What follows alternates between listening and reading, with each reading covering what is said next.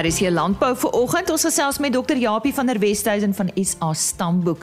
Dis nou 10 jaar sedert hulle die groot besluit geneem het om 'n alomvattende diens aan produsente te lewer. Ons het natuurlik nuus oor veilinge en gesels onder meer met Frans Seevink oor die Buck Ridge Bonsmara se tweede produksieveiling op 23 Februarie. Ons hoor wat het in 2021 met aartappelmarkte gebeur en ook hoe Januarie se verkope. En dan sê Dr Louis de Pisani vir al kleinveeboere moet versigtig wees met die goeie reëns verdrink kleinvee in 'n see van gras en die gevolg is moontlike voedingsprobleme. Ons hoor wat se raad het hy. Ek vertrou jou naweek was uh, aangenaam. Goeiemôre. Dis tyd vir RSC Landbou en my naam is Lise Roberts. Ons begin met nuus vanaf Agri Inspek. Volgens die jongste data van die moniteringsmaatskappy Agri Inspek het beesvleisinvoere vir November verlede jaar 701 ton beloop. Dit verteenwoordig 'n stygings van 99% vergeleke met November 2020. Die prys per kilogram het in hierdie tyd met 16% gedaal. Die meeste invoere was vanaf Botswana. Skaapvleisinvoere vir November 2021 het 186 ton beloop. Dit verteenwoordig 'n stygings van 33% in vergelyking met November 2020. Go. Had a 40,000 there but a 42 and a twin bit on there but a 45. En nou eers nuus oor veilinge. Daar is twee veilinge wat hierdie week plaasvind. Op 16 Februarie die Donne Merino Nasionale Veiling. Dit is bly die Bloemfontein skougronde aangebied deur OVK en die aanbod is 40 ramme. Dan op 19 Februarie, dit is Saterdag, die Hoogland Studiegroep Simmentaler en Simbra Jongbul skou dit is by Ashton Vale op Bethlehem. Volgende week op 23 Februarie die Buck Ridge Bonsmara produksieveiling en so 'n bietjie later in die program gesels ek met Frans Seevink. Dit is dan vandag se veilingsnuus. FP Kutse is 'n inligtingspesialis by Artappels Suid-Afrika. En hy vertel ons nou wat het in 2021 met aartappelpryse en verkope gebeur en kyk ook na die Januarie mark. Vir die 2021 kalenderjaar is 106 miljoen 10 kg sakkies aartappels op varsprodukte markte verkoop. Dit is 4,73 miljoen 10 kg sakkies minder as die 5 jaar gemiddeld. Jaar op jaar is 1.1 miljoen 10 kg sakkies meer verkoop in 2021 as in 2020 met 'n stygings in prys van 3,8%. Met 2021 in oorsig het pryse 'n opwaartse tendens getoon vanaf middel Maart tot middel Oktober. Pryse het meer, meer skerp gestyg vanaf middel September en het min of meer dieselfde tendens gevolg as in 2020. Die skerp stygings in volumes het veroorsaak dat prys skerp daal vanaf 'n rekordhoë gemiddelde prys van R94.69 tot so laag as R29.50 binne 'n periode van 7 weke. Van daar het die prys teruggeklim tot R42.42 en het min of meer sywaarts beweeg tot die einde van Desember 2021. Wat klasverspreiding aanbetref, het die prys van klas 1 aartappels in Desember gedaal met 2,3% en klas 2 aartappels gestyg met 1,7%. Klas 3 het ook gestyg met 0,6% tussen November en Desember. Gedurende Desember 2021 het die persentasie klas 1 groot aardappels wat op markte verkoop is bestendig gebly teen 18%. Groot medium en medium aardappels se verkope het beide met 1% gedaal. Maandelikse verkope in Desember 2021 was ongeveer 9 miljoen 10 kg sakkies. Dit is 192 000 10 kg sakkies minder as die 5 jaar gemiddeld vir Desember. Van Mei tot Oktober het maandelikse verkope onder die 5 jaar gemiddeld verkope kerf inbeweeg en was die verkope slegs vir 4 maande bo die 5 jaar gemiddeld. Omsetsnelheid verteenwoordig die persentasie verkope van daaglikse voorraad vir 'n spesifieke dag. Vir die maand van Desember het alle varsprodukte markte in Suid-Afrika se daaglikse omsetsnelheid 'n opwaartse tendens getoon en was die gemiddelde omsetsnelheid 1,9% hoër as in November 2021. Die markkapasiteit het met 24000 sakkies gemiddeld per dag verhoog na 420000 10 kg sakkies tussen November en Desember. Wat streke aanbetref het Oos-Vrystaat se produksie klaargemaak op 700 000 10 kg sakkies meer as hulle 5 jaar gemiddeld. Wes-Vrystaat het 4.1 miljoen sakkies minder verkoop op varsprodukte markte en Noord-Kaap 2 miljoen sakkies minder vir die 2021 seisoen. Indien ons kyk na wat tans op die varsprodukte markte aangaan, het gemiddelde prys week op week gestyg met 0,12% na R35.75. Nasionale volumes het gedaal vir die maand van Januarie 2022 en staan tans op 8.2 miljoen sakkies. Dit is 632 000 sakkies minder vir dieselfde tydperk in 2021. Suides Vrystaat tans die markleier met 23% markandeel het vir die eerste 4 weke van die jaar 1,9 miljoen sakkies verkoop met 125 000 sakkies minder as hulle 5 jaar gemiddeld. Noordwes wat tans die tweede grootste markandeel besit, het 385 000 10 kg sakkies meer verkoop as hulle 5 jaar gemiddeld vir Januarie 2022. Limpopo tans besig om klaar te maak en het naasien by 1 miljoen 10 kg sakkies verkoop en KwaZulu-Natal 1,05 miljoen 10 kg sakkies vir die eerste 4 weke van 2022.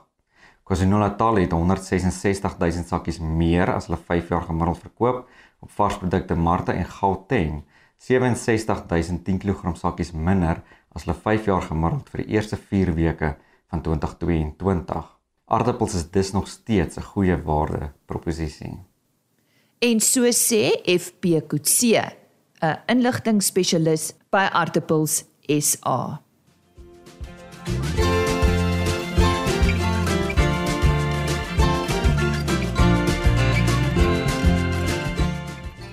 Dit is nou 10 jaar sedert uh, Stamboek die groot stap geneem het om 'n alomvattende diens vir die veebedryf te lewer. 10 jaar vanaf uh, Januarie 2012 verneem ek en ons gesels nou met uh, Dr. Japie van der Westhuizen daaroor. Japie, eerstens uh, baie geluk. Wat sien julle as die hoogtepunte van hierdie afgelope 10 jaar? Ag, daar's baie hoogtepunte. Uh soos dit maar gaan, jy weet, 'n ou jy's in die jy's in die veebedryf, daar's op en af 'n uh ehm um, soos wat dit gaan. Maar ek dink van die grootste hoogtepunte is dat 'n mens ek wil amper sê ons onder een sambreel kon sit. Met ander woorde van navorsing en ontwikkeling, uh die die tradisionele registrasie van diere en wat daarmee gepaard gaan in die verslae wat rondom dit gaan uh die rekenaarstelsel agter dit met ander woorde dat jy in huis mense het met jare se ondervinding en kennis wat dit vir jou doen en eh, en dan die produksiekant uh wat jy nou ook aanteken by dieselfde plek uh en met dieselfde beplanning uh en dat jy deel van die bedryf is. Met ander woorde die die lede van Stamboek, is die telersgenootskappe en ehm um, dit is vir my 'n hoogtepunt dat 'n mens kom. En jy word erken deur die bedryf. En ons word erken deur die bedryf en natuurlik internasionaal. Ons is lid van die International Committee for Animal Recording en ons het die kwaliteitssertifikaat en daai tipe van goed wat vir my ook belangrik is. Mm. Met ander woorde dat ons dit kon regkry om ook vir hierdie ander aspekte van dienslewering soos genetiese evaluasies en so aan dat ons ook daai sertifikaat kon verwerf. So ek dink uh, mense moet dit ook nie te lig ag nie. Ja, uh, ja, dat ja. dat uh, en as 'n hoogtepunt sien en en dan die feit dat 'n mens 'n baie goeie integrasie het tussen uh hoogs opgeleide wetenskaplikes aan die een kant, uh ons genetiese en so aan en ons veldbeamptes, ons tegniese uh adviseurs wat tegnies goed opgelei is en wat op die plase kom. So die twee rigting gesprek tussen die dit wat die wetenskap nou net vir jou bied aan die een kant en die, die behoeftes van 'n gewone boer daar buite. Met ander woorde die kommersiële ouens wat bulle koop of ramme koop by by die stoetboere uh en wat gaan op die plaas aan? Wat wat, laat die boere tik ehm um, wat laat veroorsaak dat hy kan geld maak of geld kan verloor? Uh ehm um, in die proses ja belangrik. Uh en watse produk kan hulle dan lewer vir hulle kliënte? En dis waar Stamboek dan uh, as 'n bedryfsorganisasie uh vir hulle kan daai diens lewer. So dit alsaam is vir my eintlik die die deurlopende hoogtepunt uh wat dit aan betref. Praat van dit al saam. Saam met dit is dan natuurlik uitdagings. So wat is die ja, grootste een? Ja. Ek ek dink ehm um, jy weet as jy as jy jy, jy het 'n stamboek uh so ontstaan was in 1905. So dis dis regtig um, ek ek sê altyd vir die mense kan jy nou dink dat 'n klomp boere en Brit bymekaar gekom het net na die boereoorlog amper want as ek na die na die ouense foto's kyk wat presidente was van Stamboek was daar 'n kombinasie van Afrikaans en Engelse ouens ehm um, dat hulle bymekaar gekom het in in en in belang van bedryf iets saamgestel het. Net so uh, kan 'n mens van van 2012 af praat nê nee, van van jy jy jy het 'n klomp mense saamgevoeg uh, wat nie noodwendig dieselfde dink nie en wat nie in dieselfde organisasie was nie en uh dis amper soos twee banke wat miskien nou saam smag. Ja, jy ja. weet. Mm. So so jy dis dis 'n uitdaging in homself. Met ander woorde die denkpatrone van mense kulture. kom kulture. Mm. Dis reg. Mm. Daar daar mm. jy het 'n LNR kultuur gehad ja. van ons ouens het van die LNR afgekom, jy het 'n Taurus kultuur gehad. Ja. Daar was ouens daar jy die die tradisionele stamboekmense gehad uh wat met die data gewerk het en so en so uh om om dit saam te voeg is is nogal baie keer 'n uitdaging, maar ek hou my hoed af met my kollegas. Die feit dat hulle mekaar so goed aanvaar het van die begin af uh en dat die bedryf uh en ek dink dit was die ander uitdaging want hier's nou iets nuuts vir die bedryf. Hoe werk dit nou saam? Uh en ek dink almal weet ook van die van die aksies wat daar was, hofaksies wat daar was tussen LNR en en Stamboek en dit was 'n uitdaging, maar dis agter 'n mens. Jy weet en en jy kom ons maar altyd sterker uit iets uit uh veral as jy hoe groter die uitdaging is, hoe sterker wat jy kan oorkom, hoe hoe hoe sterker kom jy aan die ander kant uit. En dit maak my opgewonde dat die dat die bedryf sê kom ons by die stang vas en ons hardloop met hierdie perd en en en en doen ons dit. Klink vir my na 'n kompliment vir die leierskap. So baie geluk daar. O nee, wel ek ek sal net ek sal net dit sê nie. Leierskap ook in die sin van ja. my my uitvoerende komitee. Ek skou ons noem dit Exco. Ehm um, so een keer 'n jaar as ons ons nou jaarvergadering hou met al die genootskappe, dan kies hulle 'n paar net 8 of 6 ouens uit die uit die uit die genootskappe uit wat die wat die leierskap vorm uh, en ek dink dis belangrik. Dit dis hulle eie organisasie en en dis belangrik. Kom ons kyk na die toekoms in die stoetbedryf en veral by Stamboek. Wat hou dit vir julle in volgende 10 jaar of gaan ons nie so ver gaan nie? Ja, kom ons dink Matilda. Okay, dit ek dink is goed. Uh die, ons weet wêreldwyd is daar maar druk onder op stoetteling. Ek meen dit dit is daar's tegnologiese ontwikkeling, daar's allerlei goed en in baie keer vervaag sekere goed van ou geuite goed in in stoeteling en so en in Stamboek moet beweeg in daai milieu. So so ek sien die die die die brug tussen nuwe tegnologiese ontwikkeling en die praktiese toepassing daarvan uh op plaasvlak as 'n baie belangrike aspek. En as ons nie oor daai bruggie oor daai kloof kan kom met die regte brug dan gaan ons het ons nie bestaanreg in die volgende 10 jaar of of verder. So die die die uh om eers om baie vinnig agter te kom in watter rigting beweeg die wêreld? Wat is die tegnologiese ontwikkeling? Wat is die wetenskapontwikkeling? En om tred te hou daarmee in die eerste plek en om om die regte dinge daar uit te gaan haal. Regte besluite te neem. Regte besluite te hou en die regte besluite te, te neem hmm. en om dit toepaslik te maak. Hmm. Uh en as jy nie as jy nie die gewone boer op die plaas winsgewend kan op die plaas hou die stoetbedryf nie dan het hulle eintlik nie 'n bestaansreg nie. So ek dink dit is ons waarskynlik ons grootste uitdaging en en dis iets waar ek hou van uitdagings. Dis waar ons waar ons werk, ja. Nou ja, mag ons hier vir julle sê baie sterkte vir die volgende 10 jaar en baie geluk met dit wat al verby is. Baie dankie. Dit is altyd 'n plesier. Daarsy. Ek het daar vroeër gesels met Dr. Japie van der Westhuizen, natuurlik hoofbestuurder van SA Stamboek. En hy het gesels oor hulle prestasie 10 jaar gelede het hulle besluit om 'n alomvattende diens beskikbaar te stel vir ons veeprodusente. As jy nou hier by ons aangesluit het, baie welkom. Jy's ingeskakel vir RSG Landbou. Dis net hier op RSG vanaf 5uur tot 6:30 van my kant af, Maandag tot Donderdag.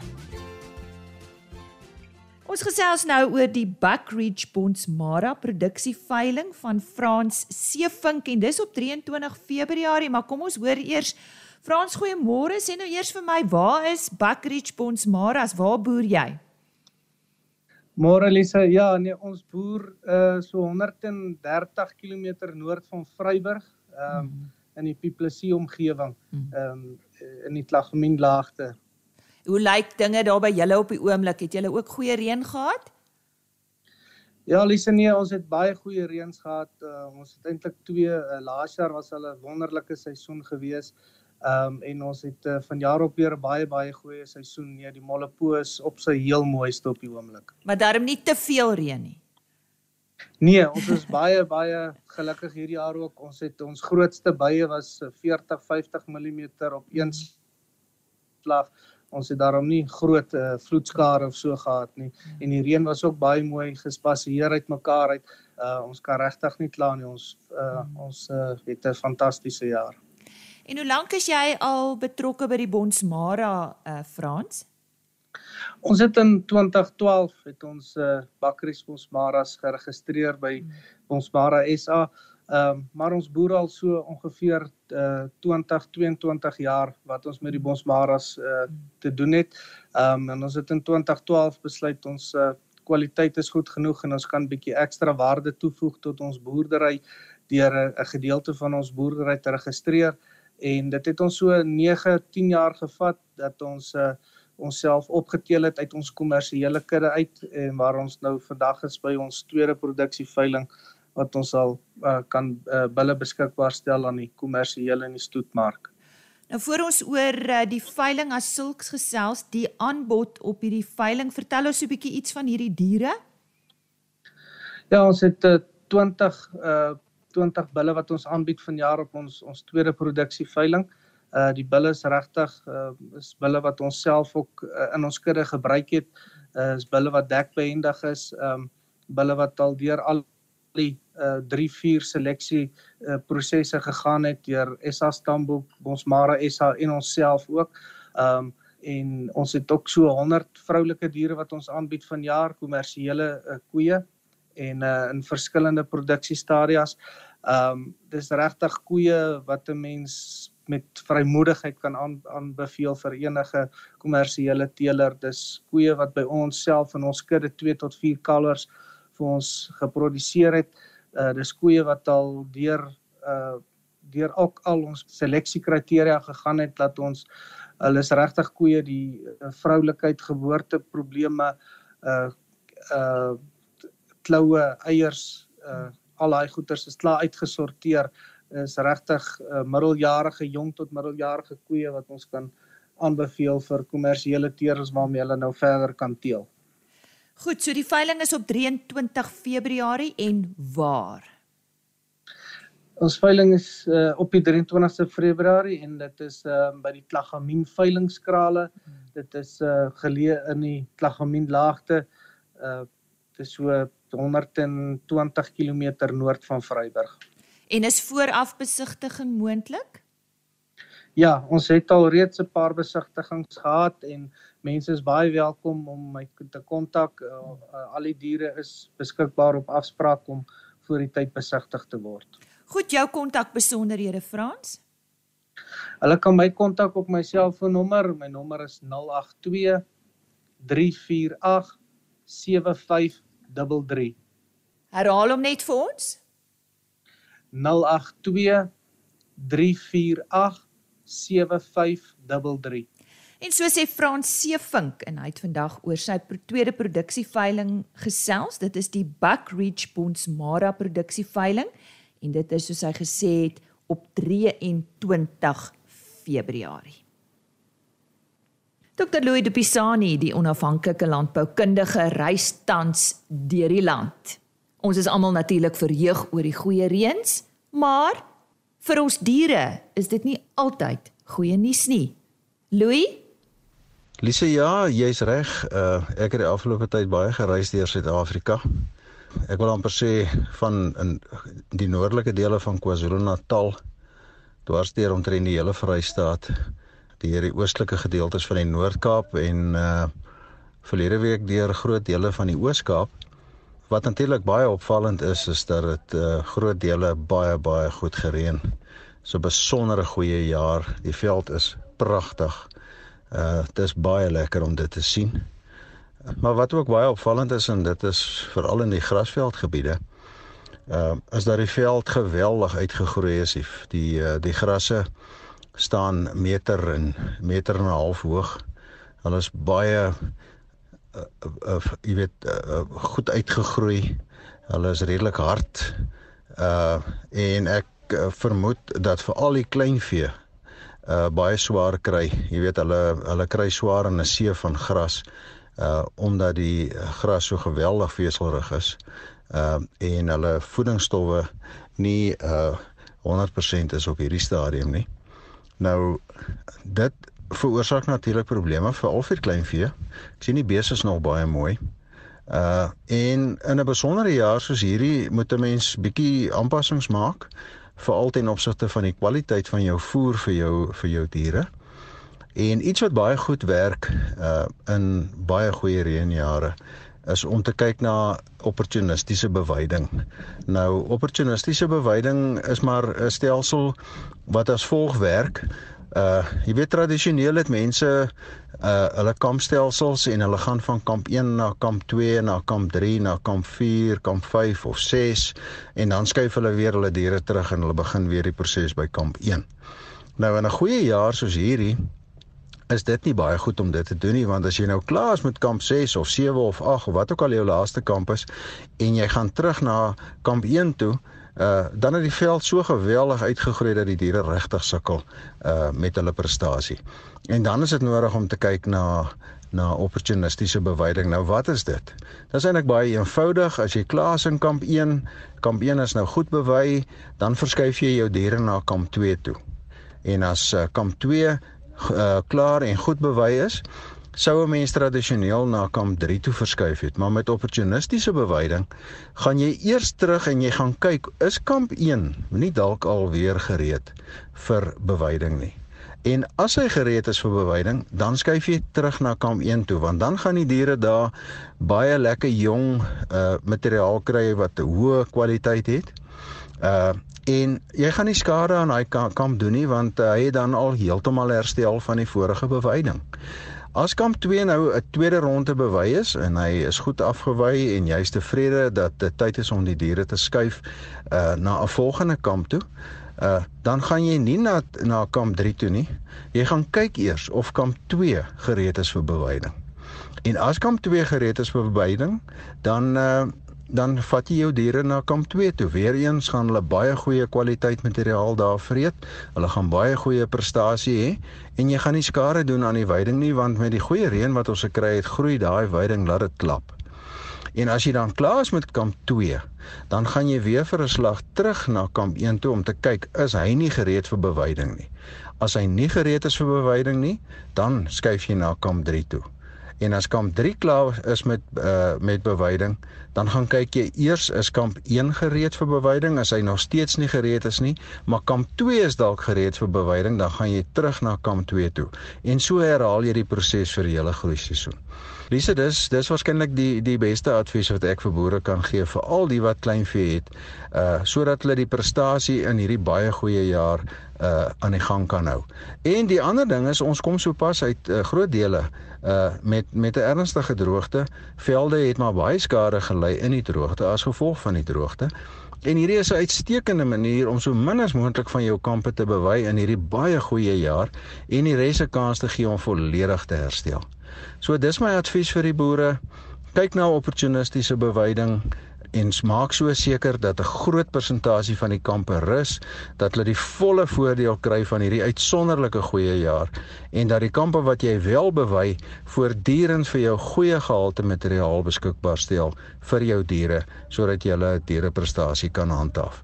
Wat natuurlik gaan gebeur hierdie winter wat voorlê, veral in die grasveldgebiede, die kwaliteit van die van die weiding gaan besonder swak wees hierdie komende uh, winter. So boere moet solank nou al hulle planne planne gereed kry uh daar rondom ook. Lise, as uh, as die boere my wil kontak, kan hulle dit gerus doen uh, via uh, my e-posadres. My e-posadres is l.dupisani. Mens spel dit L D U P I S A N I @gmail.com. Dr Louis Dupisani, hy is 'n onafhanklike landboukundige wat vandag met ons gesels het veral met ons kleinvee boere en die probleem met veiding. Net weer sy e-posadres, dis ldupisani@gmail.com. En dit is natuurlik ook tyd om te groet. Tot môreoggend 5:00, dan sal ek weer agter die mikrofoon wees met nog landbou nuus. Ons webtuiste en e-posadres www.agriorbit.com daar word die onderhoude afsonderlik gelaai. En natuurlik ook op die RSC webtuiste. Die volledige program is daar onder potgooi beskikbaar. En dan sluit ek af met ons e-posadres rsglandbou@plaasmedia.co.za totsiens RSG Landbou is 'n plaasmedia produksie met regisseur en aanbieder Lize Roberts en tegniese ondersteuning deur Jolande Rooi.